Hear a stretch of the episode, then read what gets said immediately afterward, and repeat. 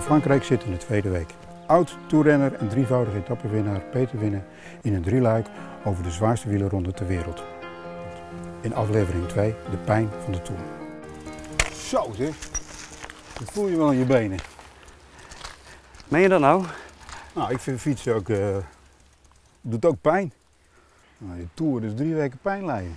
Het hangt van het moment in de ronde af. Eh, na een dag of tien dan, eh, dan treedt er in het algemeen wel iets op wat, eh ja, wat algehele malaise eh, genoemd zou, zou, zou kunnen worden. Wat dan? En, en, en daar sta je mee op. Dat is een, eh, dat, is een vermoeidheid die zo fundamenteel lijkt dat, ze, dat je vermoedt dat het nooit meer verdwijnt. Weet je?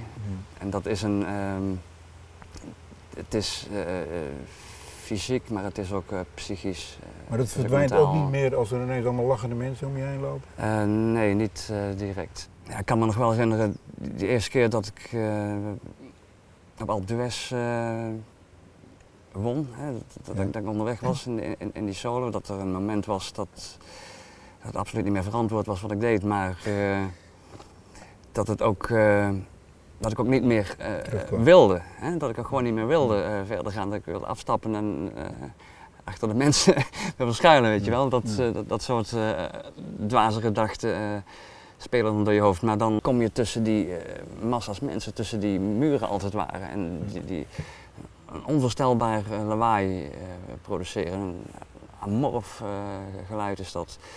En het is wel net alsof je daarmee wordt opgevuld. alsof, je, alsof dat eh, je, je nieuwe energie eh, brengt. Op een of andere manier. Maar dat, maar dat is vooral psychisch. Komt er dan ook op een bepaald moment een euforisch gevoel?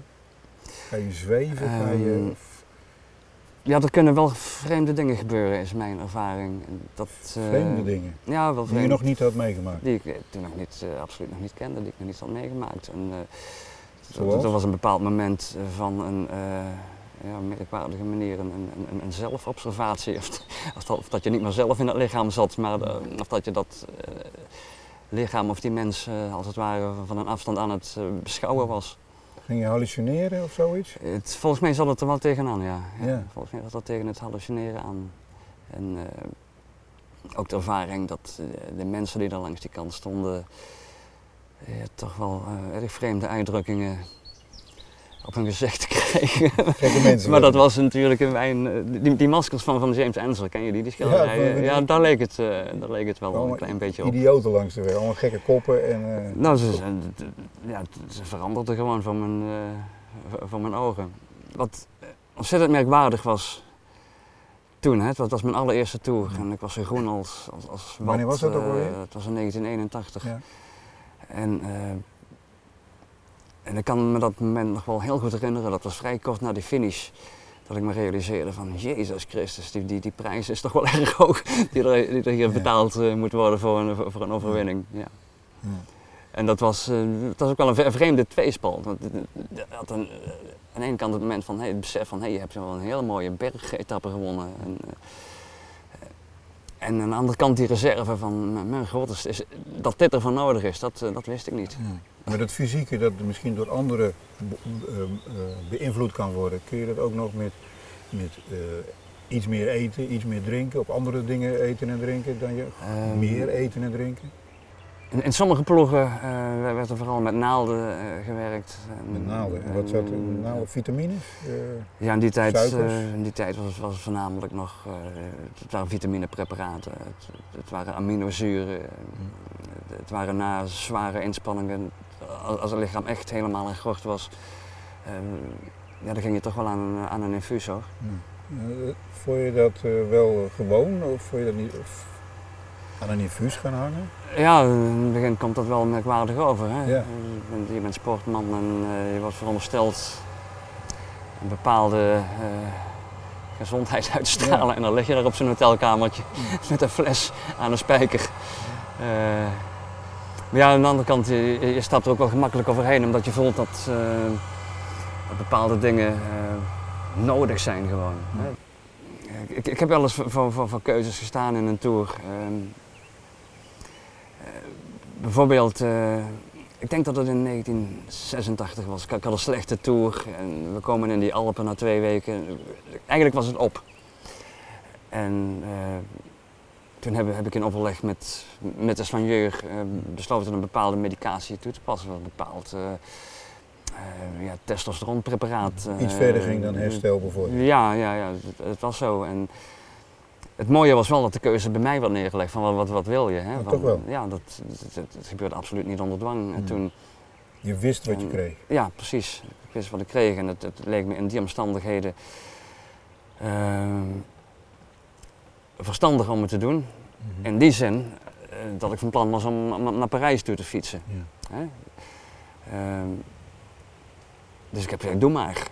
Er werd ook duidelijk bij gezegd van, nou ja, eh, het risico wat je nu loopt is dat je de komende drie, misschien vier dagen eh, bij een dopingcontrole door de mand Ja. kunt vallen. Maar dat, dat had ik op dat moment ook nog niet, nog niet direct een, eh, een probleem mee, want ik was ik niet van plan om in het geval van een positieve controle, dus de huilenbalk eh, te, te gaan uithangen en, eh, Ja. en maar te blijven ontkennen. En het is niet zo. En Ja. ik bedoel, al, al, al die flauwekul, wat naar mijn smaak veel te lang eh, rond dat wielrennen is blijven hangen. Eh, maar dus om gewoon te stellen, in dat geval, nou kijk, zo en zo is het geval. Heb je het daarna toch weer gedaan? Je hebt die tour niet uitgereden? Ehm, die tour heb ik niet uitgereden. Ik denk wel dat, ehm, ja, dat, dat ik wel een vrij zuinige coureur was. Ook dacht dat je wou zeggen zuinige gebruiker. Ja, zelfstad denk ik. de, hand, de, de keren dat ik ooit eh, positief getest zou kunnen hebben, die kan je denk op, op, op de vingers van één hand wel eh, tellen. Merkte je in eind jaren 80 al dat er iets gaande was, dat er middelen waren die... Ja, er was een, eh, op een gegeven moment was er een, viel er een enorme stilte in het peloton. Er was iets, eh, bij de Italianen zou het dan zitten. Ja. En daar zat het ook eh, trouwens, want je werd door de grootste boerenlul uit Italië werd je voorbij gereden. Dus er, was wat gaande ineens in het peloton. Door sprinters werd je voorbij gereden. ja, bergop. Ja. En ehm, ja, wat er gaande was, was aanvankelijk wist je het, niet, maar eh, de wereld is zo klein, eh, het wielrenmilieu is zo klein, dus al vrij snel eh, was duidelijk waar, waar het om ging. Het, het, het, het, het was de EPO, het was de revolutie in, in wielerland. Hè. Een anderhalve eeuw wielrennen was daar in ene Ja. eh, een, een, een dopingproduct. Ja. Dus gek genoeg kun je stellen dat de sport, ehm, die het meest met doping in verband werd gebracht, pas in 1988 denk ik dat het was eh, ontmaagd Ja. als, eh, als, als een dopingsport. Maar waarom, jij, waarom ben jij niet aan de EPO gegaan? Ik was einde carrière bijna en bovendien, eh, het, het- het klinkt gek, maar ik, ik, had, ik had wel een bepaald bezwaar. Op, op het moment dat, dat er iets zo ondubbelzinnig het, het, het verschil maakt, eh, dan, eh, ehm, ja, dan sla je ook een spelletje dood. Ja. Nu was het afgelopen met de eerlijke sport. Dat- Dat gaat niet alleen over, over eerlijkheid, maar het, het, het gaat wel om het feit dat een sport ook te wetenschappelijk eh, kan worden. Hè? Dus dat, dat je te maken krijgt met, met, met zombies. En ik had geen zin om als een zombie mijn, mijn, mijn sport of mijn, mijn, mijn vak eh, te bedrijven. Hoe is het eigenlijk om nu met het wielrennen? Is het, wat jij net zoet, een, een, een gemakkelijke heroïek? Het wordt steeds ingewikkelder om ehm, nog iets, eh, iets, iets, iets, iets serieus te doen met, eh, met, met die medicatie. Ja. Ehm, het biologisch paspoort is sinds nou een paar weken operationeel en eh, ja, het- is een Big Brother-achtig gebeuren. Er, er is een, eh, een, een soort dwang vanuit de opinie dat, dat, dat, dat die wielrenner, of ja, Schoon. ja, vooral de, ja, de, de wielrenner schoon moet zijn, eh, koet. Ja. En dat, dat, dat elk middel om dat te bereiken, dat dat inzetbaar is. Lance Armstrong wint zeven keer de Tour. Is niet geheel onverdacht, Mhm. door wie dan ook. Is nooit betrapt. Wat vind je daar dan van? Ehm, ja, je de dans heeft, ontsprongen? eh, wat Armstrong betreft, je kunt zeggen van die heeft dat gedaan heeft in die, en die periode heeft hij gereden, dus het zal wel. En het, het, is zeer waarschijnlijk dat, eh, dat, dat hij met, met medica- bepaalde medicaties gewerkt heeft. ehm, maar je kunt nooit zeggen van, zo zat het. Ik heb er niet bij gestaan, niemand heeft erbij gestaan. Ben je voor of tegen doping? Onder bepaalde omstandigheden ben ik ervoor. Kijk, de dopinglijst bestaat uit een lijst met medicamenten. En ik kan me situaties voorstellen waarin een mens, een wielrenner, uh, een bepaald medicament nodig heeft. In die omstandigheden ben ik ervoor. Het, is, uh, het, het, wordt moeilijker wanneer uh, doktoren echt de dienst uitmaken. Wanneer een, een, medische begeleiding toch een soort robot creëert. Lopen we het gevaar dat de komende toerwinnaar door een dokter wordt gewonnen? de kans wordt steeds kleiner.